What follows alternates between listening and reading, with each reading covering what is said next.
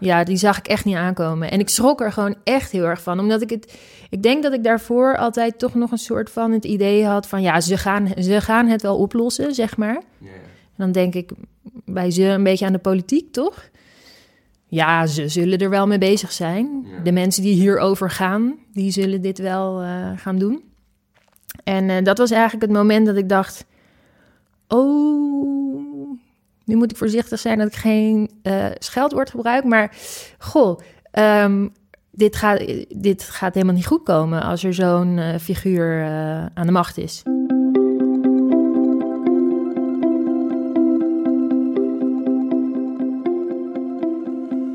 Dit is Het Groene Hart, de podcast van Growthinkers, waarin we op zoek gaan naar het groene hart van onze gasten. Een gesprek met Saskia Mulder. Saskia is spreker, klimaatcoach en gecertificeerd trainer van het materiaal uit het boek De Verborgen Impact van Babette Porcelein. Via haar Instagram-account The Social Reporter deelt ze interessante feiten over de verborgen impact van alles wat je maar wil weten. Ik zit hier met Saskia Mulder. En eh, we hebben goed nieuws. We hebben leuk nieuws voor het Groene Hart. Want het is even stil geweest. Maar eh, Saskia, wat gaat er gebeuren met het Groene Hart? Vertel. Nou, het Groene Hart komt terug. Ik vind het super leuk trouwens, want ik ben voormalig, of nou ja, hoe zeg je dat? Voormalig, dat zal ik dan nog steeds blijven. Maar ik ben, was altijd al luisteraar van het Groene Hart. Ja, Dus ehm, wat vond je van de podcast tot nu toe? ja, geweldig. Ik was echt wel eh, fan. Vertel, wat, wat vind je zo goed aan, eh, even, Ehm, wat vind je zo leuk aan, aan deze podcast? Nou, dat ik, wat ik er het leuk, eh, leuk aan vind, is dat het altijd echt gaat over de mens achter. ehm, dus eigenlijk heb je de mensen die, die tot nu toe in het Groene Hart kwamen, die ken je vanwege eh, een bepaald product of een bepaald merk dat erachter zit, of een bepaald boek dat ze hebben geschreven, of nou ja, hun, hun professionele rol, zeg maar. Mhm. Ehm, maar het is eh, zo tof om eens te horen wat ja, over de mens daarachter. Dus echt het verhaal van die mens en, Ja. en echt hun groene hart. Ja, zeg maar. precies. Ja. Nou, dat, dat gaan we dan dus ook weer doen in de toekomst. Eh, jij gaat nu samen met mij mensen interviewen. Dus Ja, het wordt een, eh, een, eh, een driehoeksgesprek. Ja. Precies. En we beginnen natuurlijk nu met jouw groene hart. Want, Ja. En mensen zijn natuurlijk benieuwd, ja, wie is die Saskia Mulder eigenlijk? Nou, dat, jij bent gecertificeerd trainer en spreker van de Verborgen Impact. klimaatcoach bij Klimaatgesprekken. En co-founder van The Next Normal. En daar gaan we het over Ja. hebben.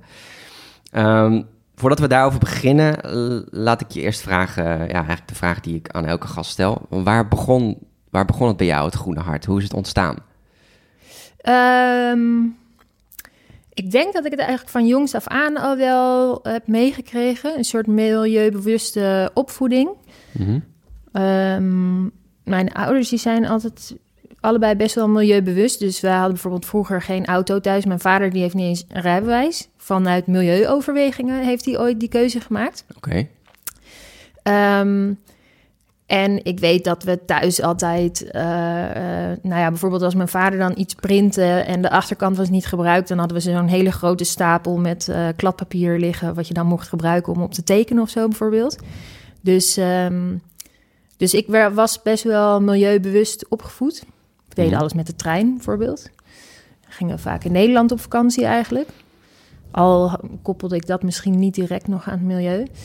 Ehm, dus ik was eigenlijk altijd best wel gepassioneerd over. En ehm, ik dacht ook altijd dat ik heel milieubewust leefde. Want ik deed altijd mijn vensters uit mijn enveloppen scheuren voordat ik het bij het afval gooide. En ik had altijd een gieter naast mijn kraan staan. Als ik dan het warme water eh, liet opwarmen, dan zette ik die gieter onder de kraan om dan dat water op te vangen. En dan kon ik daar mijn plantjes weer mee water geven. Mhm. Ehm, en eh, wat ik zelfs altijd deed, maar dat is wel, eh, gaat wel een beetje ver. Dan, als ik dan in de Albert Heijn was en ik had nog 30 centimeter eh, loopband over bij de kassa, zeg maar. Dan schoof ik mijn boodschap altijd helemaal naar de voorkant van de band. Want dan had ik het idee Energie van, ah, besparen. hè, toch? Energie besparen. Dus dan gaat hij zo voor niks Ja. de hele tijd lopen. Die little wins elke dag. Precies, ik was Ja. heel erg bezig met de little wins. Ja. Exact. En Daar zat toen- eigenlijk al die spark om, ja. Ja, om duurzamer te leven, maar ook misschien eh, ja, daar veel over te ontdekken. Want je bent, je, je bent echt ook een ontdekker, onderzoeker hè, wat betreft. eh, Ja, maar ik moet zeggen dat ik er nog niet zo op die manier mee bezig was dat. Ehm, ik, het was eigenlijk dat het, ik ging eh, eind 2016 ging ik naar Indonesië op reis. En daar was ik onderdeel van een soort project waar we ook. eh, ik ging naar video's maken. langs allerlei mensen die daar ehm, slachtoffer waren geweest van mensenhandel. Heel ander onderwerp. Hmm.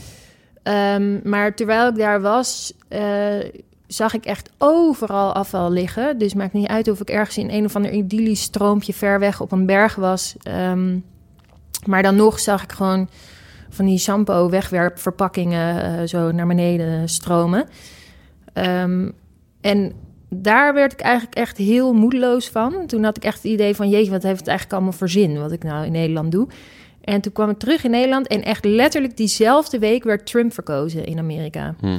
En, ehm, en toen ging ik ook nog allemaal documentaires kijken op Netflix. Cowspiracy, Sustainable, Minimalism, The True Cost.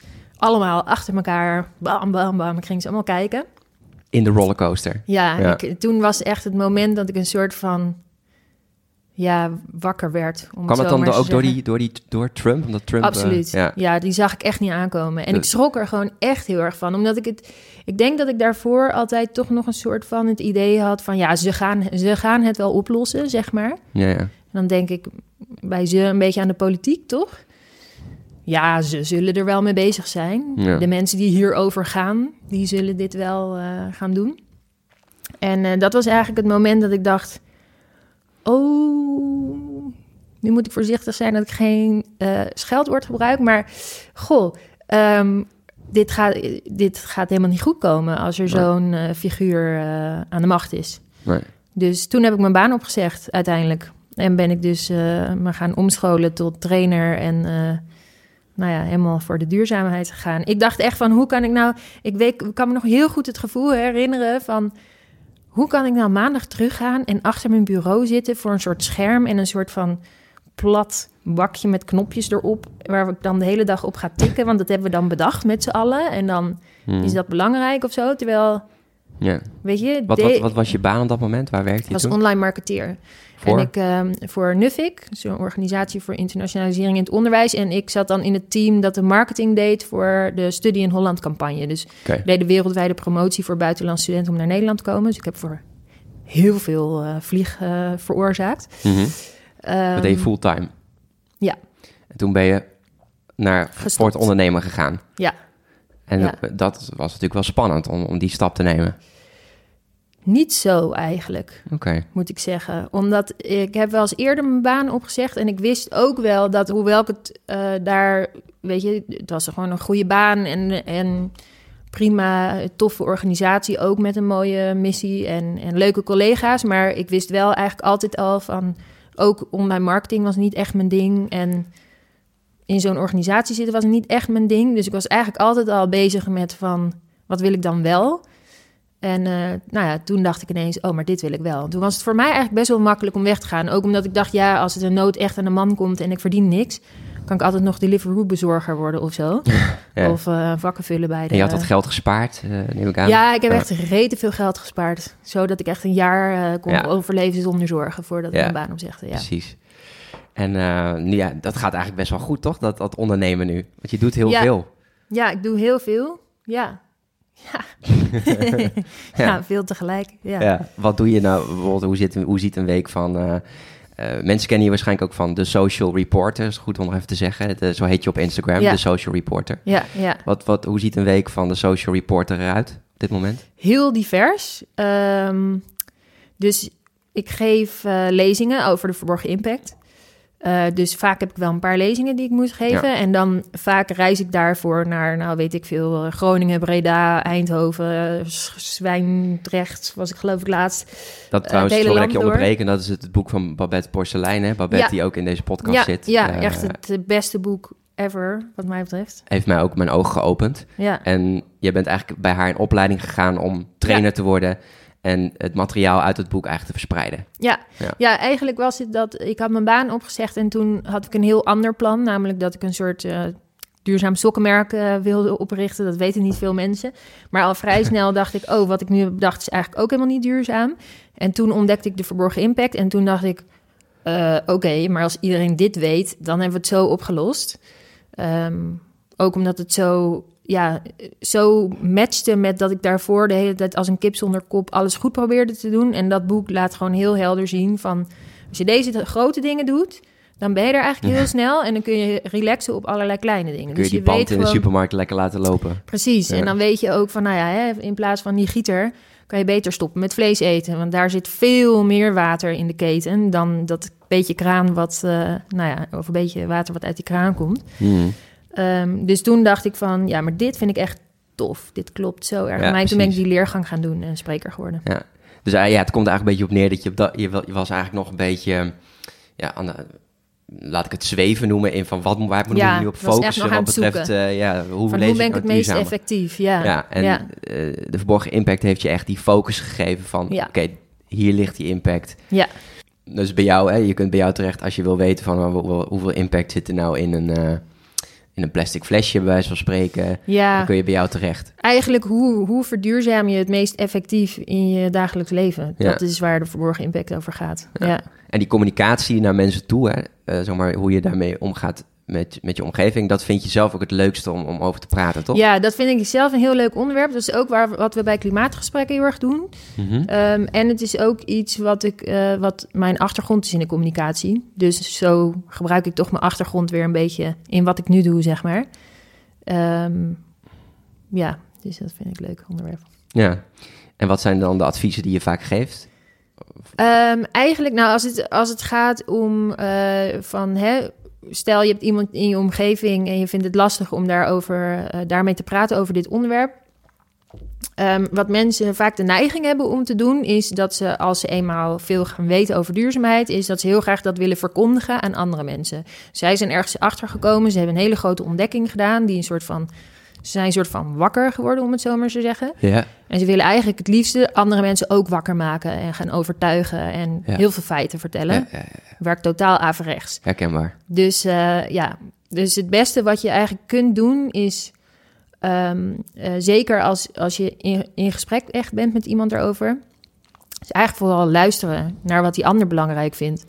En ehm, kijken of je daarin misschien een haakje kunt vinden om het over duurzaamheid te hebben, maar vooral niet gaan duwen. En eigenlijk is altijd het aller, allerbeste is gewoon vol enthousiasme je richten op je eigen proces. Ehm, en daarmee kan je eigenlijk veel makkelijker mensen inspireren. Ja. Kort gezegd. Ja. Ja. Dus gewoon, ja, gewoon veel luisteren en da- erachter komen wat, wat, wat hij of zij precies wil. Hoe hij Ja. of zij wil leven en waarom misschien bepaalde dingen, bepaalde gewoontes.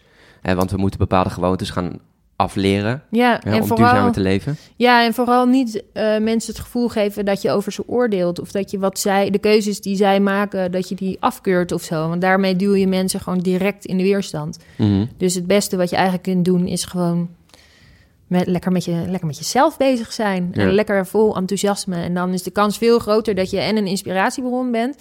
En wat belangrijk is, is dat, je, dat mensen bij jou een soort van veiligheid ervaren om bij jou terecht te kunnen met vragen. En dat Mhm. op het moment dat iemand dan een vraag stelt van... goh, waarom doe je dit eigenlijk zo? Of hoe zou ik dit eigenlijk nou het beste kunnen doen? Dat je dat dan dus ook niet ziet als... heel leuk, de deur is open, nu kom ik even met al mijn informatie naar binnen. Maar dat je dan gewoon, nou ja, hè, alleen maar eigenlijk antwoord geeft op de vraag. Of zegt van, nou ja, wat heb je nodig? Of wat, hè, wat zou je volgende stap zijn? Ja. En dan eh, Ja. gewoon je weer je mond houden.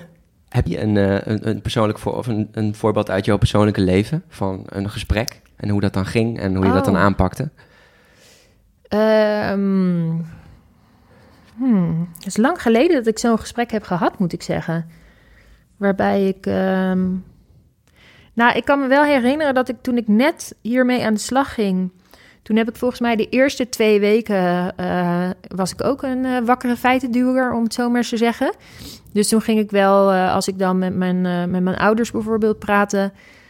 Dan. ehm, Terwijl mijn ouders zijn mensen die altijd heel erg openstaan voor van alles. Dus dit, en dat vind ik dus echt een teken dat dit bij iedereen eigenlijk geldt. Mhm. Dat op het moment dat, dat ik dan dus heel erg ging vertellen... ja, wist je wel dat dit en dit en dat en, en zus en zo. En dan merkte ik bij mijn ouders ook de neiging... om een beetje in de verdediging te schieten van... ja, maar wij eten eigenlijk ook bijna geen vlees... en eh, dat maakt toch eigenlijk niet zoveel uit, maar een paar keer per week. Terwijl ik dan eigenlijk alleen maar heel graag mijn kennis, nieuw verworven kennis kwijt wilde. Ehm, en ik merkte vrij snel van, oh, dit wordt eigenlijk helemaal geen leuk gesprek. Voor hen niet en voor mij niet. Dus ik moet hier een andere manier voor vinden. Nou ja, en inmiddels... ehm, zij volgen me ook op Instagram, dus ze zien ook wel wat ik doe. Mhm. En nu krijg ik regelmatig, gisteravond nog een appje van mijn vader... van, goh, we zijn voor het concert uit eten geweest, vegetarisch. Hihi, stuurt hij dan. dus hij stelt mij dan heel vaak op de hoogte van... ja, ik drink altijd twee glazen melk op een dag... en nu heb ik één van de twee vervangen door sojamelk. Hihi, dat zegt hij dan altijd echt heel grappig. ja. Ja, super lief. Ja. Dus, Je hebt voor mij een goede relatie met je ouders, als ik het zo ja, zie. ja, ja, een goede band. ja. Dus dan, dan kan dat ook. Zijn er, zijn er ook momenten geweest dat, het, eh, ja, dat, het, dat er een conflict ontst- ontstond... of dat het eh, awkward werd met eh, vrienden of kennissen of familie? Ehm, nou, ik kan me toevallig één moment herinneren. Oeh, ik hoop niet dat ze gaan luisteren. Eh, dat, ik, dat ik zelf, waar ik zelf achteraf een beetje eh, dacht van, hmm, shit. Eh, dat was dat mijn zus en mijn zwager hier waren. En ehm, eh, ze waren hier met hun zoontje. Die was een peutertje toen nog. En hier is een lift en een trap waar je naar beneden kan. Mhm. Dus ik, ehm, we liepen onderweg, ik ging ze uitlaten en ik zei van, joh, als het fijner is, omdat ze met dat kleine jochie liepen, eh, kun je ook met de lift, als je wilt. En toen maakte hij zo'n soort grapje van, eh, nou hallo, je leeft toch duurzaam, dan ga je toch niet met de lift. En bij mij kwam je echt even zo'n soort van, voelde die even zo, oeh, weet je wel. Maar goed, ik heb er gewoon met een soort van zelfspot op ge- gereageerd. Van, eh, ja, nee, ik, ik ga natuurlijk zelf altijd alleen maar met de trap. Of ik weet, ik weet niet meer wat ik heb gezegd. Mhm. Maar ehm, ja, dat was, was toen ik er zelf net mee bezig was. Een Dus klein toen kon ik, messensteekje. Heel ja, toen kon ik dat soort opmerkingen nog minder handelen. Inmiddels Ja, heb ik daar helemaal geen last meer van. Nee. Eh, maar toen vond ik dat nog moeilijker, ja. ja. Maar hij zal het zich niet eens herinneren hoor. Dus het is, het is grappig. Niet luisteren. Nou, je, hebt dan, eh, je, bent dan, je spreekt over het boek De Verborgen Impact. ja, klimaatgesprekken, daar ben je onderdeel van. ja. En dat is dan, dan gaan mensen echt het gesprek aan over het, eh, over het Ja. klimaat. Eh, dan zit je in een groep ook, hè, waar je erover spre- Ja, over spreekt. ja, dan gaat het een soort workshop-reeks waarbij je dan langs allemaal thema's gaat. Hoe je kunt verduurzamen in je dagelijks leven. Dus heel interactief met allemaal spellen. En het Mhm. laatste bijeenkomst gaat over hoe voer je een goed klimaatgesprek. Ja. Ja. En wat zijn daar dan een beetje de, me- de, de dingen waar mensen het meest mee worstelen in die, in die klimaatgesprekken? Wat je een soort eh, common team die je daar ziet? Ehm, nou, eigenlijk is hoe voer je een goed klimaatgesprek echt wel een ding wat al eh, gedurende de, de workshop-reeks steeds terugkomt. Mensen vinden dat heel uitdagend.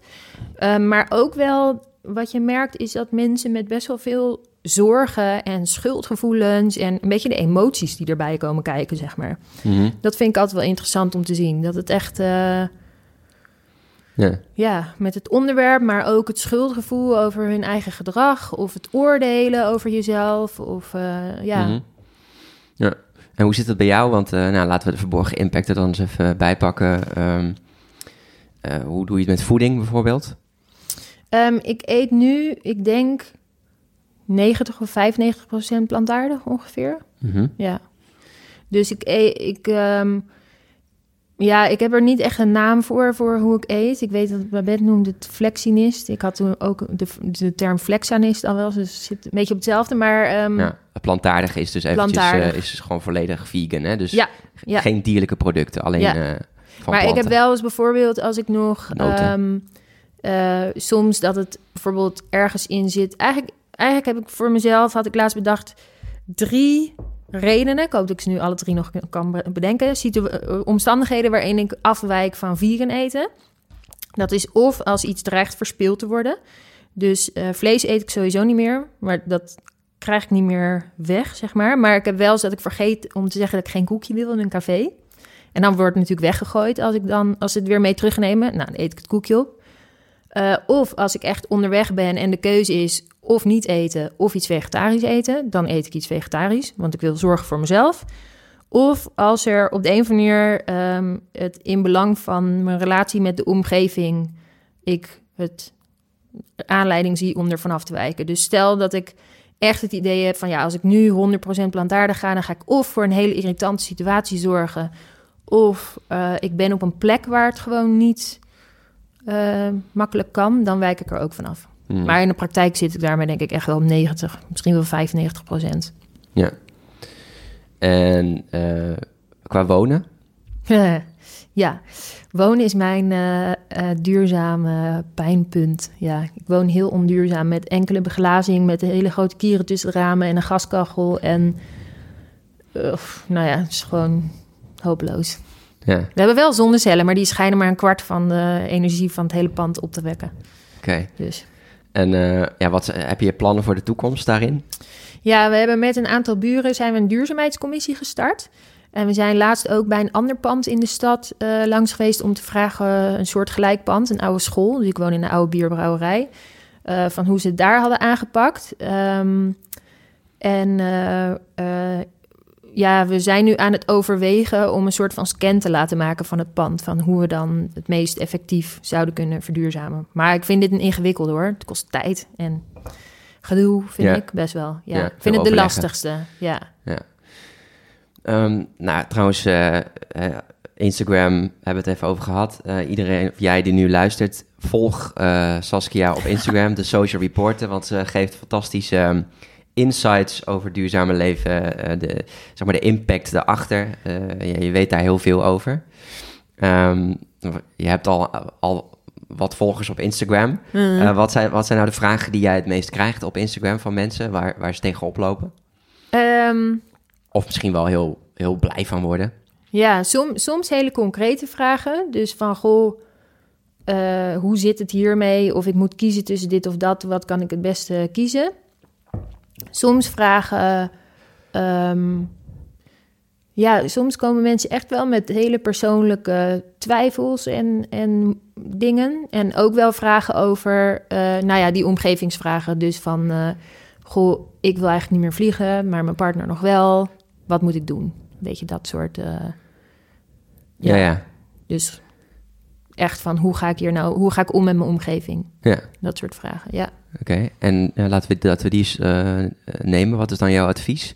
Mijn partner... Eh, ja, eh, dus, dus stel dat kan ook zijn dat je partner bijvoorbeeld nog vlees eet. Of, eh, Ja, en dat je daarop tegen bent. Hoe ga je daarmee om? Ehm, nou, mijn advies is eigenlijk... Dus stel in het voorbeeld van het vliegen... ehm, kijk, uiteindelijk... eh, Ik kan alleen advies geven, hè, dus het is- geldt een beetje voor hoe mensen zelf ermee om willen gaan. Maar ik zeg altijd van... Goh, wil je zelf echt niet vliegen? Kijk, ik, ik zou persoonlijk... Voor mij zou het een gesprek worden. Dus ik zou zelf best wel bereid zijn om wel te gaan vliegen. Als die partner dan per se wil vliegen. Ehm, dus ik zou zelf sowieso altijd het gesprek aangaan. Wil je echt niet vliegen, dan, ja, dan zou je de keuze kunnen maken om eraan vast te houden en te zeggen van nou, dan moeten we of apart op vakantie of whatever. Ehm, maar je zou ook kunnen zeggen van goh, nou oké, laten we dan dit jaar samen wel gaan vliegen, maar dan kijken of we een flink aantal bomen kunnen planten, om dat eh, in ieder geval in de buurt te proberen te komen van het te compenseren. Eh, en misschien dat we dan volgend jaar bijvoorbeeld met de trein kunnen. Maar ik zou in ieder geval nooit, nooit adviseren om eh soort van met een gestrekt been erin eh, te zeggen: nee, ik ga niet vliegen en je hebt het maar te accepteren. Want dan ga je bij die ander ook, dan ga je die ander ook niet duurzaam motiveren om te verduurzamen, zeg maar. Dan gaat diegene nooit vanuit intrinsieke motivatie aan de slag met duurzaamheid, terwijl Nee. omdat jij dan soort van oplegt. Terwijl wat je eigenlijk wil, is dat die ander op zijn eigen tempo en zijn eigen manier zijn eigen proces ingaat. Ja. En het is super irritant om door iemand anders gedwongen te worden om te veranderen. Mhm. Dat wil niemand. Ja. Dus ja. Je bent ook nu bezig toch met een soort eh, opleiding over klimaatpsychologie. Ja, collegereeks volg ik. Interessant. Ja. Vertel daar eens iets over. Even in het kort. Ehm, ja, dus dat gaat meer over eh, sociale beïnvloeding. Dus dat gaat eigenlijk over grotere groepen. En dat zit ook in. Ik heb communicatiewetenschap gestudeerd, dus dat zit daar ook eh, best wel in. Dus dat gaat dan over dingen als nudging en framing en. eh, ehm, nou ja, hè, hoe gedragen groepen mensen zich? Hoe kun je nou ze voor zo'n thema dat zo abstract en ver weg is als klimaatverandering ehm, wel in beweging krijgen? Mhm. Ehm, ja, dus bijvoorbeeld nudging, een voorbeeld daarvan is eigenlijk dat je, een soort van dat je de goede keuze, de hele makkelijke keuze maakt. Dus stel dat je, ehm, eh, eh, catering bijvoorbeeld vegetarisch maakt en dat mensen het moeten aangeven als ze vlees eh, willen. Dat is een typisch voorbeeld van nudging. Oh ja. Nudging is eigenlijk zoals de, de vlieg in de toiletpot van de Schiphol. Ja, ja. zeg maar we- mensen aangeeft waar ze moeten richten, maar dat Ja. ze het wel zelf kunnen bepalen. ja, ja. Interessant. Ja. Horen we natuurlijk in de toekomst meer over, want ja, je, wij gaan straks eh, met z'n tweeën gasten interviewen. Heb je er zin in? in, eh, in Zeker. eh, in het nieuwe seizoen? ja, Ja, heel want, veel. Want we gaan in 2000, eh, 2020 beginnen. Eh, nog even over ehm, ja, wat is er dan veranderd. Nou, we werken dus niet meer samen met Happiness. Die eh, samenwerking is gestopt. We staan nu op eigen benen. En eh, het leek mij heel leuk om eh, door te gaan met, met jou, Sas. Yay! Eh, we kunnen ook al verklappen, want in 2020, het nieuwe jaar, komen er weer nieuwe afleveringen van Het Groene Hart worden er gepubliceerd. Ehm, we kunnen al verklappen met wie ook. Eh, Amy Demkes staat op de, staat op de Ja, lijst. Zij is van de correspondent. Zij doet daar alle, bij de correspondent onderzoek naar kleding. En we hebben Gwen Jansen en die eh, is van The Green Makeover, een programma op eh, SBS 6. Ja. Eh, waarin ze met mensen, zeg maar, hun huis eh, thuis gaat kijken hoe kunnen ze verduurzamen. Dus ook wordt ook goed bekeken. Dus dat is een eh, heel goed teken, heel hoopvol signaal. Dus dat, dat komt er allemaal aan. Ik ga zo nog even de advocaat van de duivel spelen. ja. Maar ik wil eerst nog even van je weten, de next normal. Want dat heb je ook nog eh, Oh ja. opgezet. ja. Wat is dat precies? Eh, dat is eigenlijk een, een soort van netwerk die, eh, voor mensen die bezig zijn met eh, de wereld duurzamer te maken. De Mhm. meeste ervan zijn ondernemers, dus die doen iets met duurzaam ondernemen. Impact makers eigenlijk. Ja. Mensen die de wereld willen verbeteren en daarvoor gaan. Dat. En ehm, eh, we hebben een Facebookgroep waar mensen lid van kunnen worden en elkaar kunnen vinden. En we borrelen één keer in de maand met elkaar. Oké. Ja, eigenlijk was het. Ik, ik, toen ik voor mezelf begon, miste ik een beetje het vrijdagmiddag borrelen met collega's. Dus dat was het moment voor mij om te denken: ik ga kijken of ik gewoon een soort nieuwe vrijdagmiddagborrel kan starten. Maar dan met nou ja, hè, mensen die ook dit werk doen. Dus Ja. die eigenlijk soort van ook Ja. soort collega's zijn. Ja. Ja, wij zijn er ook een keer geweest. Echt super, Ja, vet super gezellig leuk om iedereen. er eh, en Ja. mensen komen ook naar je toe gelijk van, eh, hey, wat, wat doen jullie? Dus het is een heel, ja. er wordt echt gestimuleerd om lekker te netwerken. Of in ieder geval elkaar te leren Gaat kennen. heel wat heel leuk is. ook. Ja, Ja, heel precies. leuk. Ja. Ja, dus eh, echt ook een aanrader om daar eens, eh, om daar eens langs te gaan. Eh, advocaat van de duivel ga ik spelen. Want Ja. we hebben het net gehad over consumentenactivisme eigenlijk. Dus dat je als consument, als burger, hoe je het ook wilt noemen, bewustere keuzes gaat maken. Minder spullen kopen, bewuster spullen kopen. minder vlees eten, overstappen naar een plantaardig, plantaardig eetpatroon. Wat trouwens niet alleen goed is voor het milieu, maar ook voor je gezondheid. Mhm. Uh, dus allerlei stappen gaan maken en daar anderen in inspireren, Nee, overtuigen. Wat wij dus ook een beetje doen. De duurzame influencer tussen haakjes, zeg maar. Mhm. En eh, er is laatst een artikel geschreven op Vrij Nederland van Roxane van Iperen... waarin zij zegt van nou, ehm, dat doet allemaal te weinig. Dus dat is, dat, is, dat is allemaal heel leuk als je daar het geld voor hebt... maar het heeft te weinig impact. Ja. Uh, wat, wat we moeten doen, wat er moet gebeuren op dit moment, het allerbelangrijkste is dat die fossiele industrie, dat die uh, wordt ontmaskerd. Dus dat mensen hun geld eruit gaan halen, uit, uit fossiel, hè, dus uit olie. Uh, dat banken zich ook daar, uh, bank, of dat overheden daar ook eerlijk over zijn. Dus dat daar geld uitgaat en dat ook vooral wij als burgers, journalisten, uh, zeg maar die merken die dat nog steeds, zoals Shell bijvoorbeeld, hè, met die, uh, mm-hmm. die ook nu een beetje dat greenwashing doet, dat, dat wij die gaan ontmaskeren en gaan zeggen, dit klopt voor geen, uh, ja, dit klopt voor, voor, dit klopt gewoon niet, dit moet ophouden. Ja, wat is, wat is jouw, wat is daar, ik vond het een interessant artikel, wat is de, ja. jou, daar jouw, uh, hoe, wat is jouw kijk daarop? Ja, het is grappig, ik heb het artikel dus van meerdere mensen ook toegestuurd gekregen, um, maar ik heb het nog niet gelezen, omdat ik dacht, ik weet dat het moment dat ik dit ga lezen, dan wil ik er ook wat over zeggen. Uh, dus dan moet ik even de tijd ervoor hebben. Uh, omdat ik denk dat er namelijk dan wel een kleine uh, rant aan gaat komen. Um, maar ik weet nog dat de titel was zoiets van Stop consumentenactivisme. Dat, dat, dus in, even om maar te zeggen, ik heb het artikel dus niet gelezen. Dus ik zou niet per se echt iets over dit artikel kunnen zeggen. Nee. Maar wel iets over de kop. Um, We zetten het artikel trouwens in de show notes als je het wil lezen. Oh ja, goeie. Ja. Um, ja, kijk, eh, eh, het ontmantelen van die eh, fossiele industrie helemaal eens. Tuurlijk, dat moeten we gaan doen. Mhm. Maar wat ik zo jammer vind, en dat zie ik de laatste tijd op meerdere plekken terugkomen in meerdere artikelen, die mensen dan ook altijd weer naar me toesturen, is dat er steeds een soort oordeel wordt gevel- geveld van dit heeft geen zin. Hiermee moet je stoppen. Je moet dat doen. Dus bijvoorbeeld dan wordt er gezegd van, goh, het blijkt dat ehm, eh, walvissen heel veel CO2 uit de lucht halen. En dan wordt zo'n artikel geschreven op een manier van... wil je bomen planten? Veel beter kun je... eh, stop maar met bomen planten. Je kunt beter de walvis redden, om het zo maar te zeggen. En ik denk elke keer... waarom nou het ene moeten stoppen... en moeten afwijzen ten gunste van het andere? We hebben helemaal geen tijd meer om bepaalde dingen niet te doen. Het is niet zo van... weet je, er... er eh, ehm, van de week werd ook weer, was ook weer in het nieuws dat nu dus is gebleken dat eh, het grootste deel van de klimaatmodellen, zoals die zijn voorspeld in de jaren zeventig, blijken te kloppen. Het is niet alsof je dan, stel dat je huis in de fik staat, dat je dan met elkaar op de bank gaat zitten vergaderen van goh. Eh, laten we vooral niet, eh, eh, weet ik veel, er een deken overheen gooien. Maar misschien kunnen we wel een glaasje water halen. En misschien is het wel, Mm. misschien, nee, nee, maar ga maar niet blazen of zo. Ik zeg maar wat. Ja. Nee, je gaat gewoon met alle middelen die je hebt, ga je er gewoon er tegenaan. Ja. Dus dat als punt één. We Ja. hebben, ik vind gewoon het idee van je zou één ding niet moeten doen en een ander wel. Nee, laten we het gewoon allemaal doen. Want het is namelijk allemaal nodig en het heeft allemaal zin. Dat als het belangrijkste eigenlijk. Eh, en ik vind het gewoon, ik vind het heel, heel jammer om een soort van.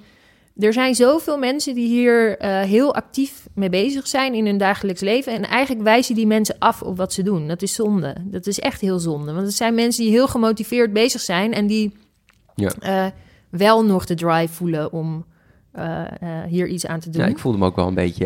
Ja, ik, ik had ook een beetje zoiets van, nou, en bedankt. Ja. Ehm, bovendien, eh, als je kijkt naar, hè, naar hoe maatschappelijke verandering eh, gaat... of het nou is met afschaffen van de slavernij... of stoppen met roken of de invoering van de mobiele telefoon... dat begint altijd bij individuen. En ik vind het altijd zo grappig dat eh, in dit soort termen... en ook de argumentatie van... ja, ik als individu maakt toch niet uit wat ik doe... dan wordt er altijd ineens wordt het geframed als acties van de individu... mhm. Terwijl, ehm, tuurlijk, één individuele actie maakt niet zoveel verschil. Maar dan nog denk ik altijd, ik maak liever een klein beetje verschil dan geen verschil. Ehm, maar het gaat erom dat het, het de, de, de som is van al die individuele acties tezamen. En Mhm. die maken verandering. Ik Mhm. bedoel, anders dan zouden we ook niet naar de stembus gaan en stemmen. Ja. Weet je, dat is ook onderdeel van die democratie. Dat je ervan uitgaat dat je, we zijn niet alleen. Want Ja. het zijn ook de, de combinaties van al die individuele acties tezamen... die maken dat we nu een probleem hebben. Ja. Dus daar zit de oplossing ook. En dan is het niet van... Plus dat, oh ja, ik kan, ik kan nu nog tien eh, andere redenen gaan bedenken als ik doordenk. Maar volgens mij is... Weet je, er wordt altijd eh, een soort van een beetje naar elkaar gewe- gewezen van overheid, bedrijven eh, of eh, consument of burgers. Terwijl volgens mij als iedereen, iedereen ter wereld binnen zijn eigen invloedssfeer in alle rollen die hij heeft in zijn leven zijn verantwoordelijkheid zou nemen, of zeg maar en in het bedrijf dat je hebt, maar ook als individu, dan zouden we het probleem zo hebben opgelost. En hetgene wat al die dingen met elkaar verb- verbindt, zijn mensen. Dus zeg maar bedrijven, overheid, zijn ook, bestaan ook allemaal uit mensen. Het systeem bestaat uit mensen. Mhm.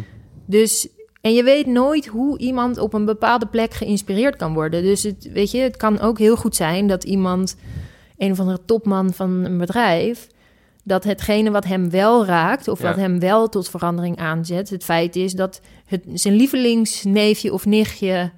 Eh, Ja, ehm, precies. De, de butterfly effect, de olievlek. Ja, alle- dus- Wat jij zegt is, alles is goed en alles is ja, nodig. Ja, waterrimpel-effect. Ja, want dit artikel kan natuurlijk ook, eh, ja, dat kan ook mensen aansporen om te denken, ja, fuck, ik ga toch lekker Precies. vliegen. En, eh, want het maakt- die fossiele industrie, daar gaat het om. Dat moeten we dus.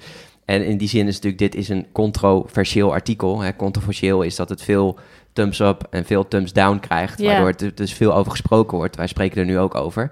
Ik heb ook het idee dat het artikel daarop ook heel erg op is geschreven, zodat het veel gedeeld wordt. Want controversiële artikelen werken heel goed op social media. Ja. Eh, even, even in het kort over dat, eh dat de-investeren. Dus zeg maar het geld uit, eh, echt, wat meer uit fossiele, uit olie halen. Ja. Ben jij ook al overgestapt naar, naar een duurzame bank of duurzamere verzekeringen? Ja, ik ben drie jaar geleden volgens mij overgestapt naar een groene bank, zowel privé als zakelijk. En ik ben vorig jaar overgestapt naar de minst grijze zorgverzekering, om het zo maar te zeggen. Ik zag dat jij dat ook had uitgezocht. Ja. Dus ja, we eh, zitten nu trouwens ook op het eind van het jaar. Dus eh, mensen kunnen weer overstappen. ja, ik heb een artikel geschreven ook over duurzame zorgverzekering. Ik ben daarin gedoken. Dus eh, als je die, dat artikel wil lezen, ook, en want dat is dus ook een manier om Ja, ja, te de-investeren eigenlijk, om, om, om het, de Ja. olie min, minder geld te geven. Eh, er staat ook, dat artikel staat in de show notes.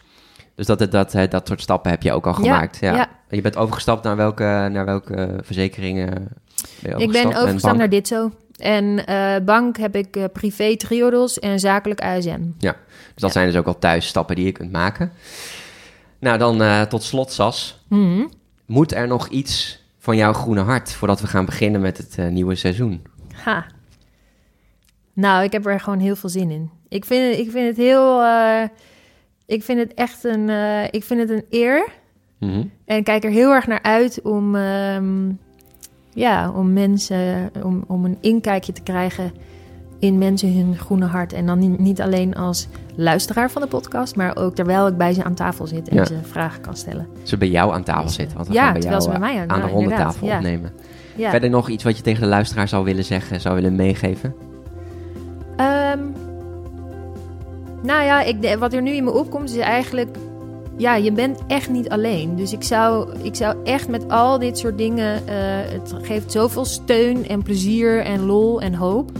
om gelijkgestemden te zoeken. Dus ik zou zeggen, zoek je, zoek je eigen groene bubbel. Soms best fijn om daar even in weg te kruipen. Dankjewel, Sas. Dankjewel, nou, Jelle. jij die nu luistert, eh, fijne feestdagen. Leuk dat je weer luistert naar het Groene Hart. En eh, tot volgend jaar. Ja, tot volgend jaar. Dit was het Groene Hart van Saskia Mulder. Ben je benieuwd naar alle dingen die we hebben besproken in de podcast? Kijk dan in de show notes.